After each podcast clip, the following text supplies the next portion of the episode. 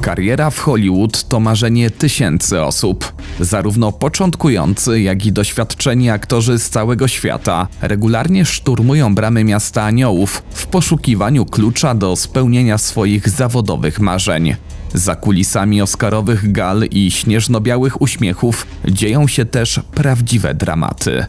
Wschodząca gwiazdka dziecięcego kina lat 80., śliczna Judith Barcy, nie mogła przypuszczać, jak szybko i tragicznie zakończy się jej kariera. Wydarzenia sferalnego lipcowego popołudnia w luksusowej dzielnicy Los Angeles do dziś pozostają tajemnicą.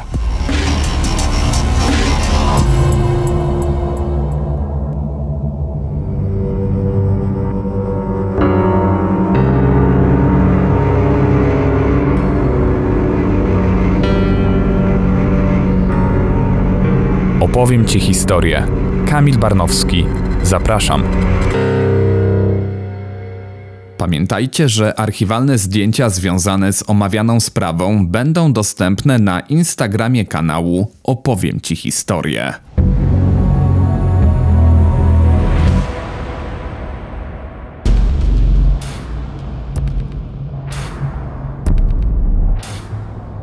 Joseph Barcy przyszedł na świat 26 listopada 1932 roku w przemysłowej dzielnicy miasta Mezykuveszt na Węgrzech. Kraj znajdował się wówczas pod rządami autorytarnego admirała Miklosza Hortiego. Dzieciństwo ojca przyszłej gwiazdki kina naznaczone było biedą i poniżeniem. Joseph był nieślubnym dzieckiem, nigdy nie poznał swojego ojca, Stał się przez to obiektem drwin wśród rówieśników. Również nauczyciele go nie oszczędzali. Jako nastolatek popadł w liczne konflikty z prawem. Edukacja przychodziła mu z wielkim trudem. Dorastający chłopak przejawiał zdolności muzyczne, grywał na banjo i skrzypcach. Jego matki nie stać było jednak na profesjonalną edukację muzyczną syna. Wybuch powstania na Węgrzech w 1956 roku, krwawo stłumionego przez zbrojną interwencję Armii Radzieckiej, ostatecznie pozbawił Józefa złudzeń. W rodzinnym kraju nic dobrego go nie czekało. Zdecydował się na emigrację. Wyruszył do Francji, podejmował się różnych zajęć, jednak nigdzie nie mógł zagrzać miejsca na dłużej. Jego trudny charakter nie był tajemnicą. Mężczyzna łatwo wpadał w gniew, nie utrzymywał z nikim bliższych relacji.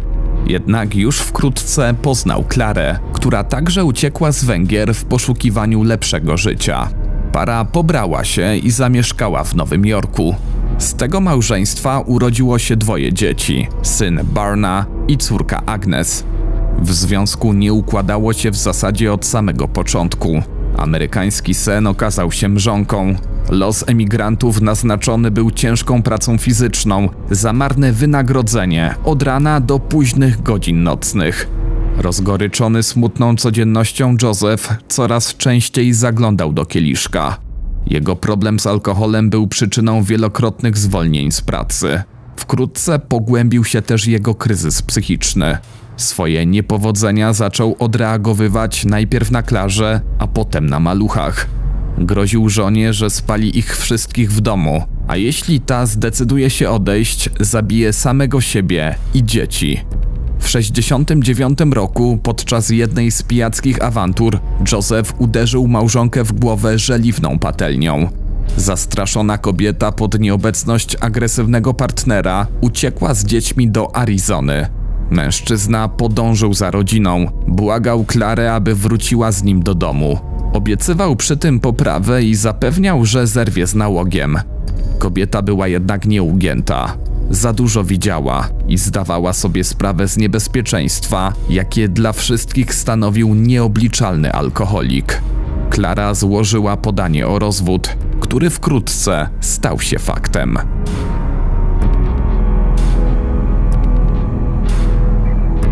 Joseph kolejny raz zmienił miejsce zamieszkania. Tym razem wyruszył do Kalifornii. Zdobył tam posadę hydraulika. Po pracy przesiadywał w okolicznych barach. To właśnie w jednym z nich pewnego wieczoru w 76 roku poznał swoją rodaczkę, śliczną węgierską kelnerkę Marię Wirowacz. Kobieta przyleciała do Stanów kilka lat wcześniej. Ameryka zawsze jej się podobała. Snuła marzenia o celebryckim życiu, była wielką fanką filmów i różnych postaci telewizyjnych. USA stały się jej jedyną nadzieją na spełnienie marzeń o karierze aktorskiej. Chciała też zostawić za sobą trudną przeszłość. Joseph bardzo jej zaimponował. Regularnie przychodził do lokalu, w którym pracowała piękna kelnerka. Ten pewny siebie postawny mężczyzna był duszą towarzystwa. Stawiał kolejki klientom baru. Marii wydawało się, że ktoś taki zapewni jej bezpieczeństwo. Kobieta bardzo chciała na nowo ułożyć swoje życie po burzliwym rozwodzie. Desperacko pragnęła stabilizacji. Chciała też zostać matką. Między nią a Josephem szybko zaiskrzyło. Zaczęli się spotykać, mieli wiele wspólnych tematów do rozmów. Łączyło ich pochodzenie, rozpad wieloletniego związku, a także trudne dzieciństwo. Maria pochodziła z przemocowej rodziny. Jej ojciec nadużywał alkoholu i znęcał się nad matką. Początkowo wydawało się, że Joseph ją bardzo dobrze rozumie. Tułaczy los emigranta z pewnością łatwiej było im znieść we dwoje. Pobrali się w sierpniu 77 roku. Mężczyzna nie utrzymywał żadnego kontaktu z Klarą i dziećmi z poprzedniego związku. W pierwszym roku małżeństwa Joseph i Maria dogadywali się dość dobrze. Brat kobiety powiedział, że jej partner potrafił być czarujący. Z kolei jego znajomy Peter Kivlen stwierdził, że w kręgach towarzyskich Barsi słynął z niekontrolowanych wybuchów agresji. Miał ogromne kompleksy na punkcie swojego węgierskiego akcentu. Nie oszczędzał nikogo, kto odważył się zwrócić mu na to uwagę. Uwielbiał przechwalać się wśród znajomych. Joseph powiedział kiedyś Kivlenowi, że jest dobrze znany w policyjnych kręgach Los Angeles. Wielokrotnie opowiadał o tym, że podczas jednej z bujek w restauracji zabił kompana od kieliszka. Podobno odsiedział za to wyrok w jednym ze stanowych więzień. Krążyły również plotki, że stracił wzrok w jednym oku na skutek bijatyki, którą sam zaczął.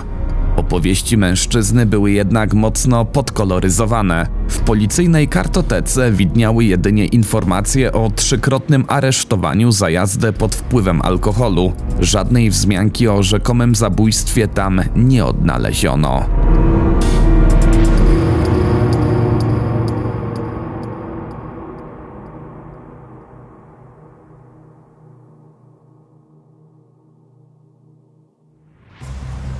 Końcu para po przejściach zamieszkała w Burbank. 6 czerwca 78 roku na świat przyszła ich pierwsza i jedyna córka, Judith Eva Barcy.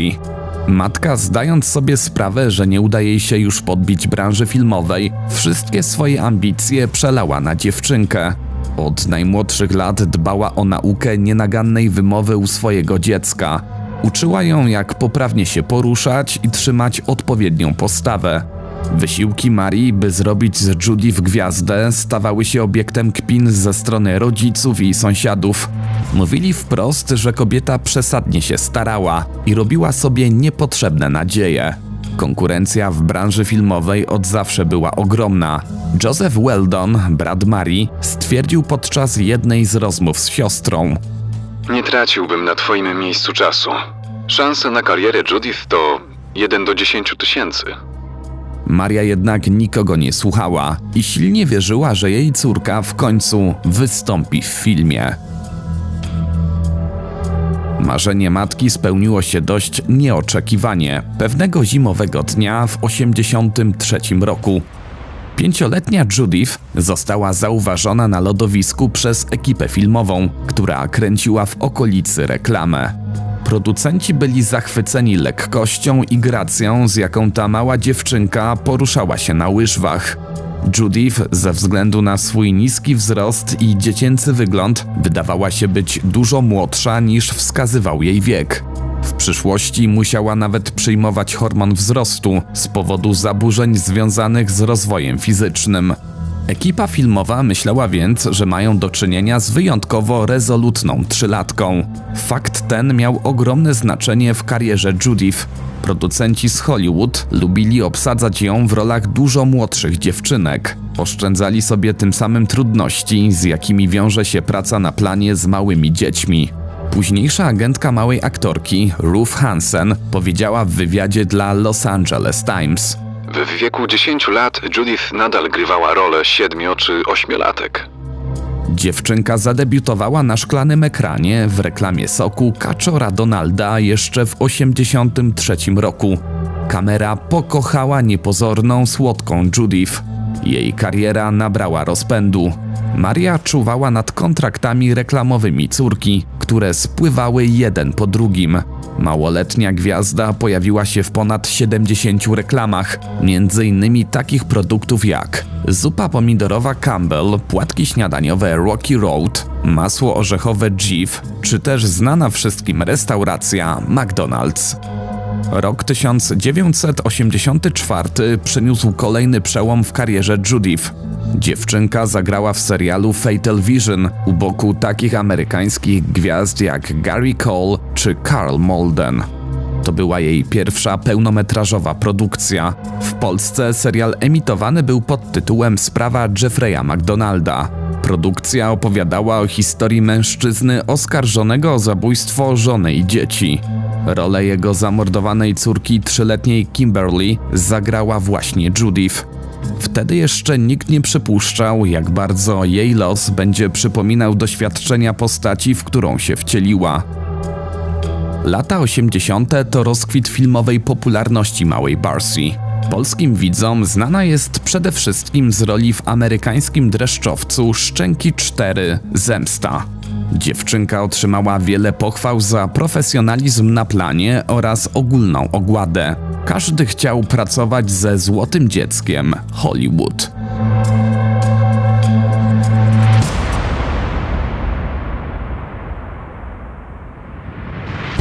Coraz większe zaangażowanie małej gwiazdki w świat filmu musiało się odbić na jej edukacji.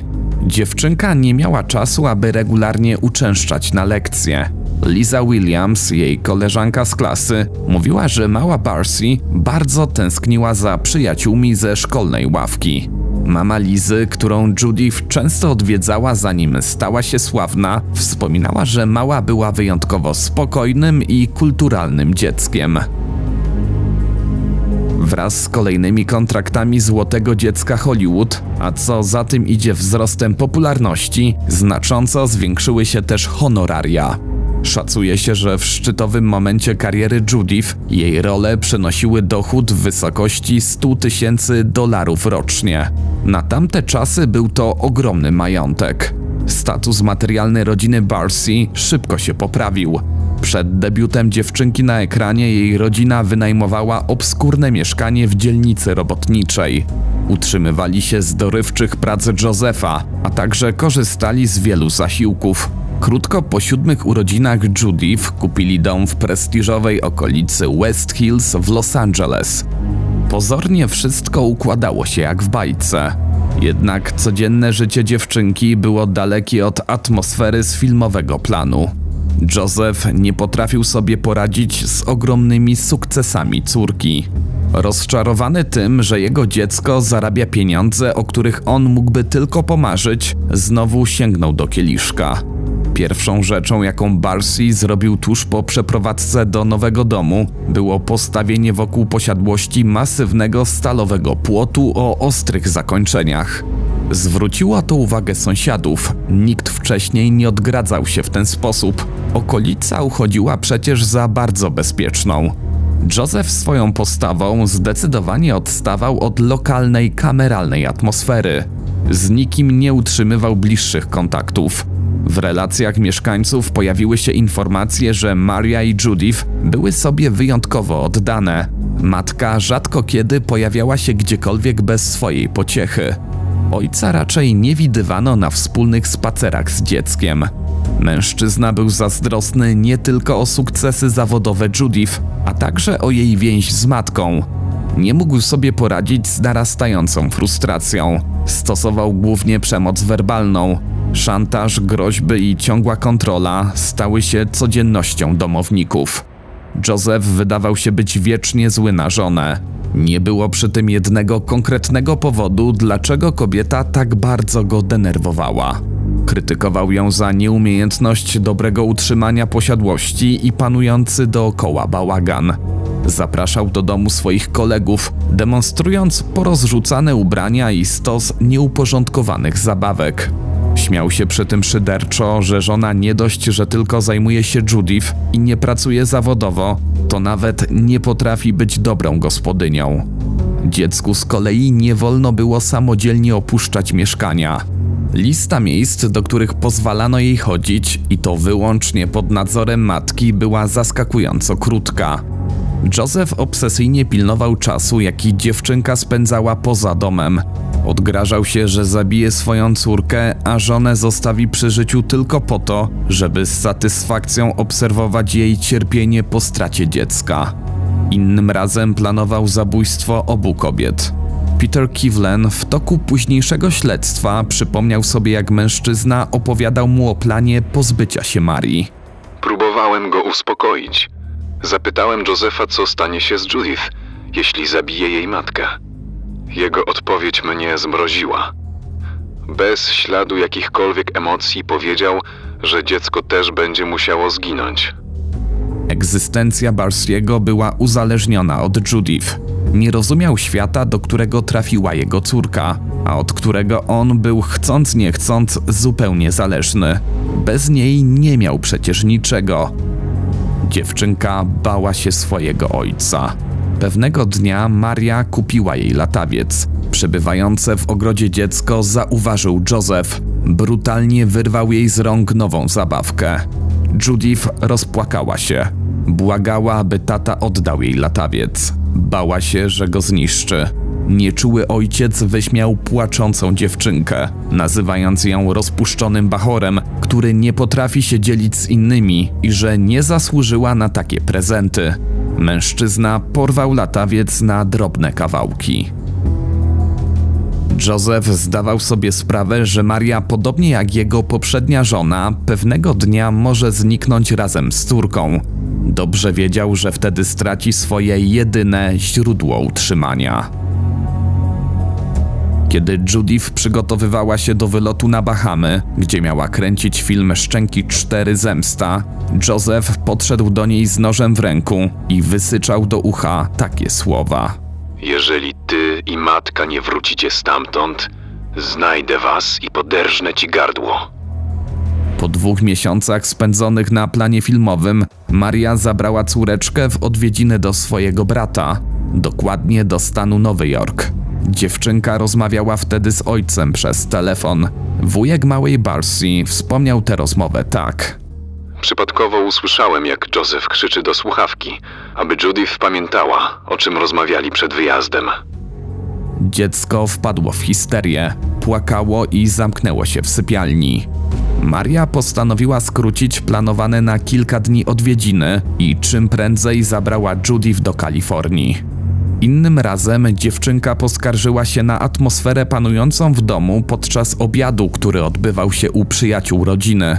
Powiedziała wtedy: Tata codziennie się upija i jest bardzo nieszczęśliwy. Groził mamie i mi, że nas zabije. Z otwartego na świat, wesołego dziecka, mała gwiazda Hollywood stała się zalękniona i płaczliwa.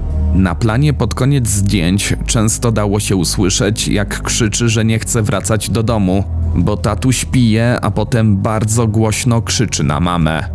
Judith Barcy z powodu nerwów zaczęła wyrywać sobie rzęsy i włosy.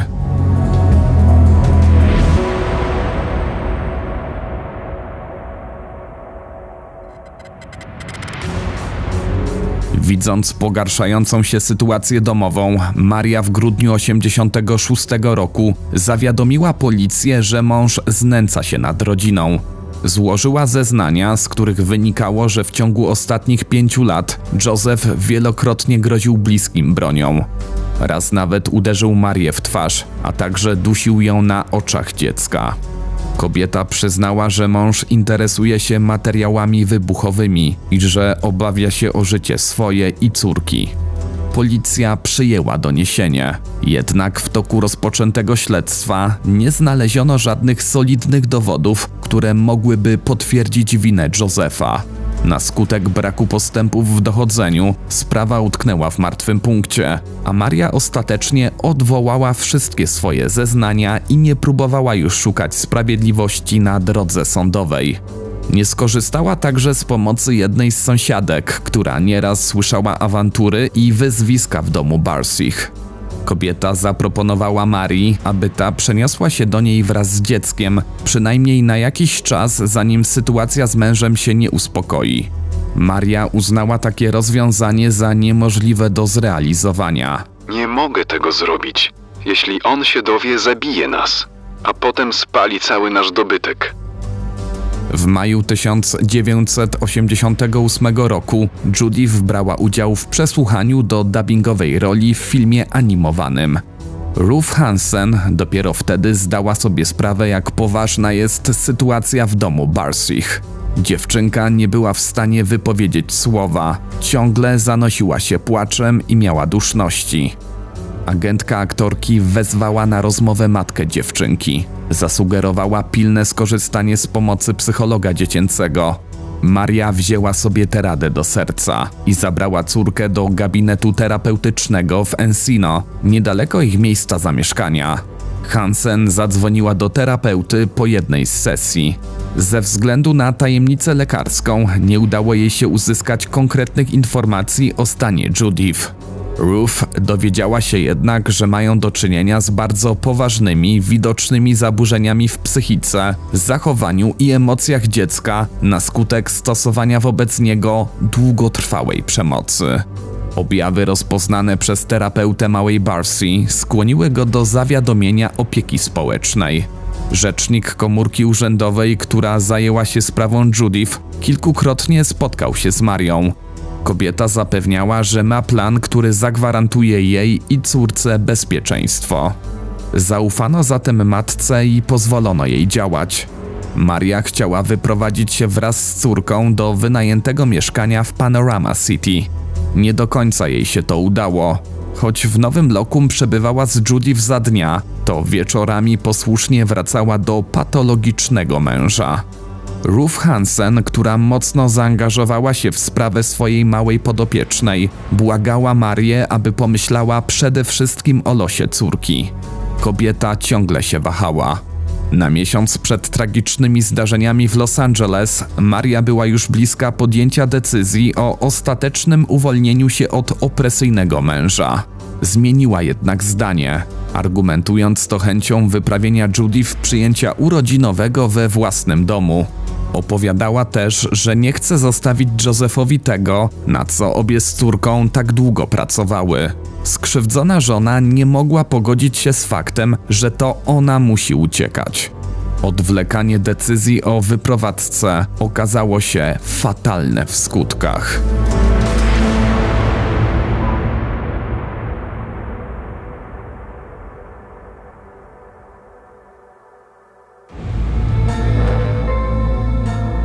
27 lipca 1988 roku, środa, około 8.30 rano.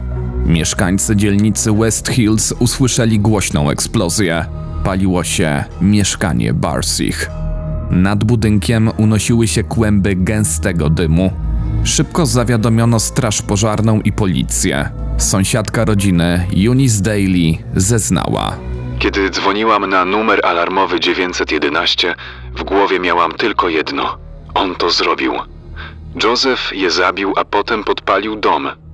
Zrobił dokładnie to, czym groził temu biednemu dziecku. Służby zastały na miejscu makabryczny widok. W częściowo spalonym domu przy 2200 McCullough Street znajdowały się nadpalone zwłoki dorosłej kobiety i dziesięcioletniej dziewczynki.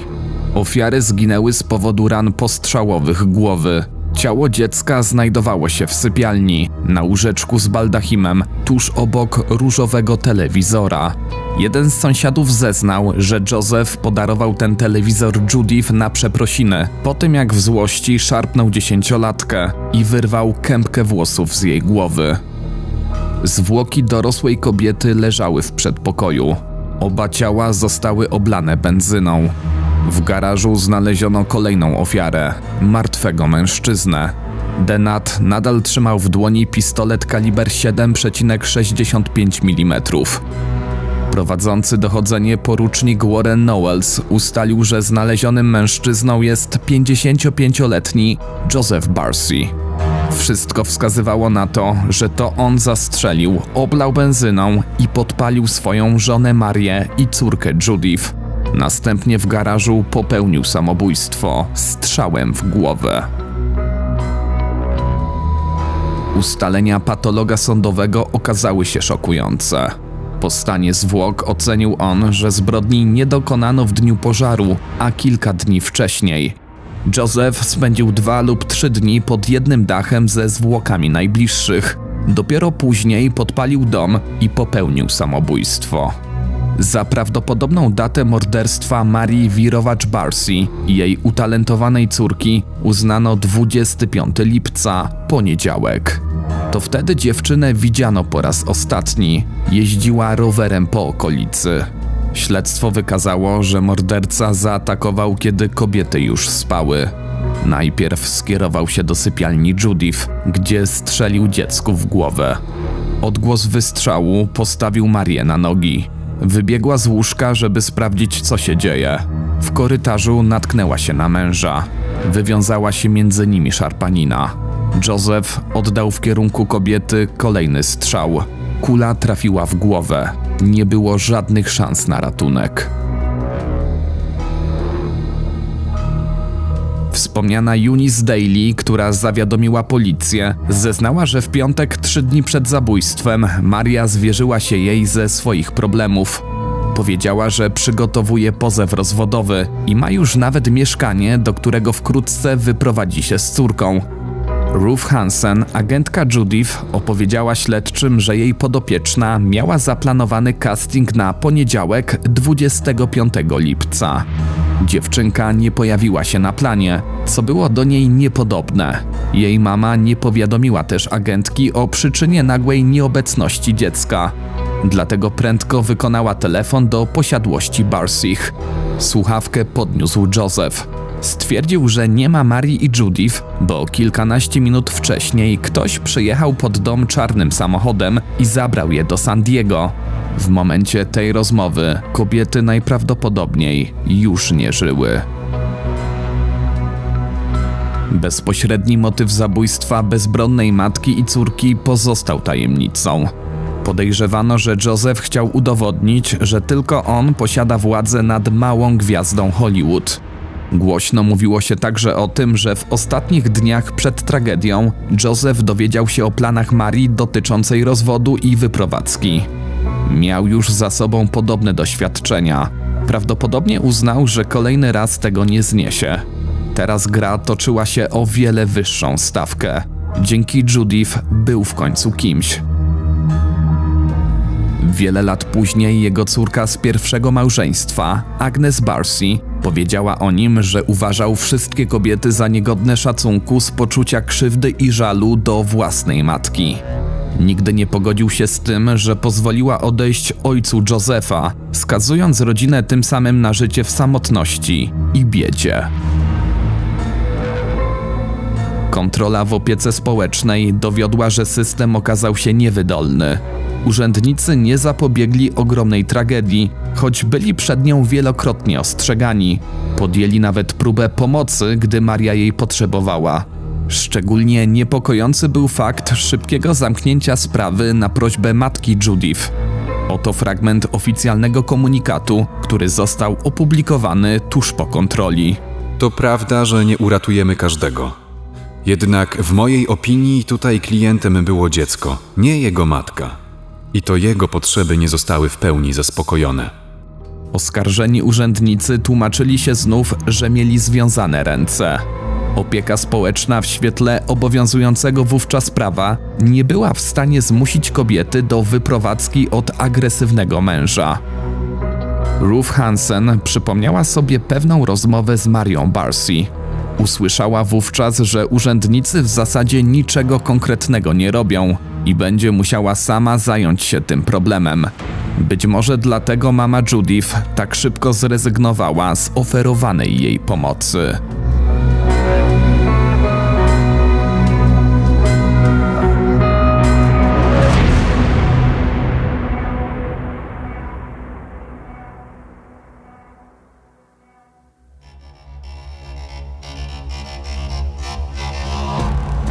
2001 roku, 13 lat po zbrodni, do domu przy 2200 Mykale Street wprowadziła się trzyosobowa rodzina Bernal.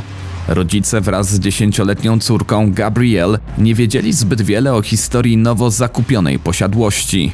Jedyne co udało im się ustalić po rozmowie z sąsiadami to fakt, że dom był miejscem tragedii, która w latach 80. wstrząsnęła Hollywood. Kilka tygodni po przeprowadzce rodzina była świadkiem dziwnych zjawisk. Twierdzili, że drzwi garażu otwierały i zamykały się same. Wieczorami słychać było niezidentyfikowane odgłosy, a w pokojach wiało lodowatym chłodem, nawet wtedy, gdy wszystkie okna pozostawały zamknięte. Mała Gabrielle zaczęła cierpieć na bezsenność. Budziła się z krzykiem w środku nocy. Mówiła, że nie może zasnąć, kiedy jest odwrócona twarzą do okna. Jak się okazało, w takiej pozycji znajdowało się ciało Judith, gdy odnaleziono ją w 1988 roku. Rodzice twierdzili, że czują w domu czyjąś obecność. Państwo Bernal zainteresowali się historią posiadłości i wkrótce dotarli do sprawy rodziny Barcy. Wtedy wezwali na pomoc ekipę popularnego w Stanach programu telewizyjnego Murder House Flip. Prowadzący show wraz z ekipą dekoratorów, architektów, budowlańców i detektywów zajmowali się renowacjami mieszkań i domów, na terenie których popełniono kiedyś zbrodnie. Pomagali rodzinom uporać się ze strachem i przywrócić utracony blask miejscom uważanym za przeklęte. Ekipa przystąpiła do pracy. Odświeżono dom przy Mykale Street. Projektanci skupili się na gruntownej przebudowie korytarza, na którym przed laty zginęła Maria. Ściany pomalowano na jasne kolory i zamontowano dodatkowe oświetlenie. Sypialnia Gabrielle, w której mieszkała kiedyś Judith, zyskała duże przesuwne drzwi, aby wpuścić do tego wnętrza więcej światła. Rodzina Bernal była zachwycona rezultatami metamorfozy. Stwierdzili, że remont tchnął w dom nowe życie. Maria i Judith Barcy spoczęły na cmentarzu Forest Lawn Hollywood Hills w Los Angeles. Miejsce pochówku Josepha Barcy pozostało nieznane. Ostatnią rolą Judith był dubbing dinozaura Lakiego w filmie The Land Before Time. Staraniem fanów dziewczynki w 2004 roku na jej nagrobku wyryto charakterystyczne zawołanie Lakiego. Pamięci Judith została również zadedykowana piosenka z filmu Wszystkie psy idą do nieba, który miał swoją premierę rok po śmierci dziewczynki.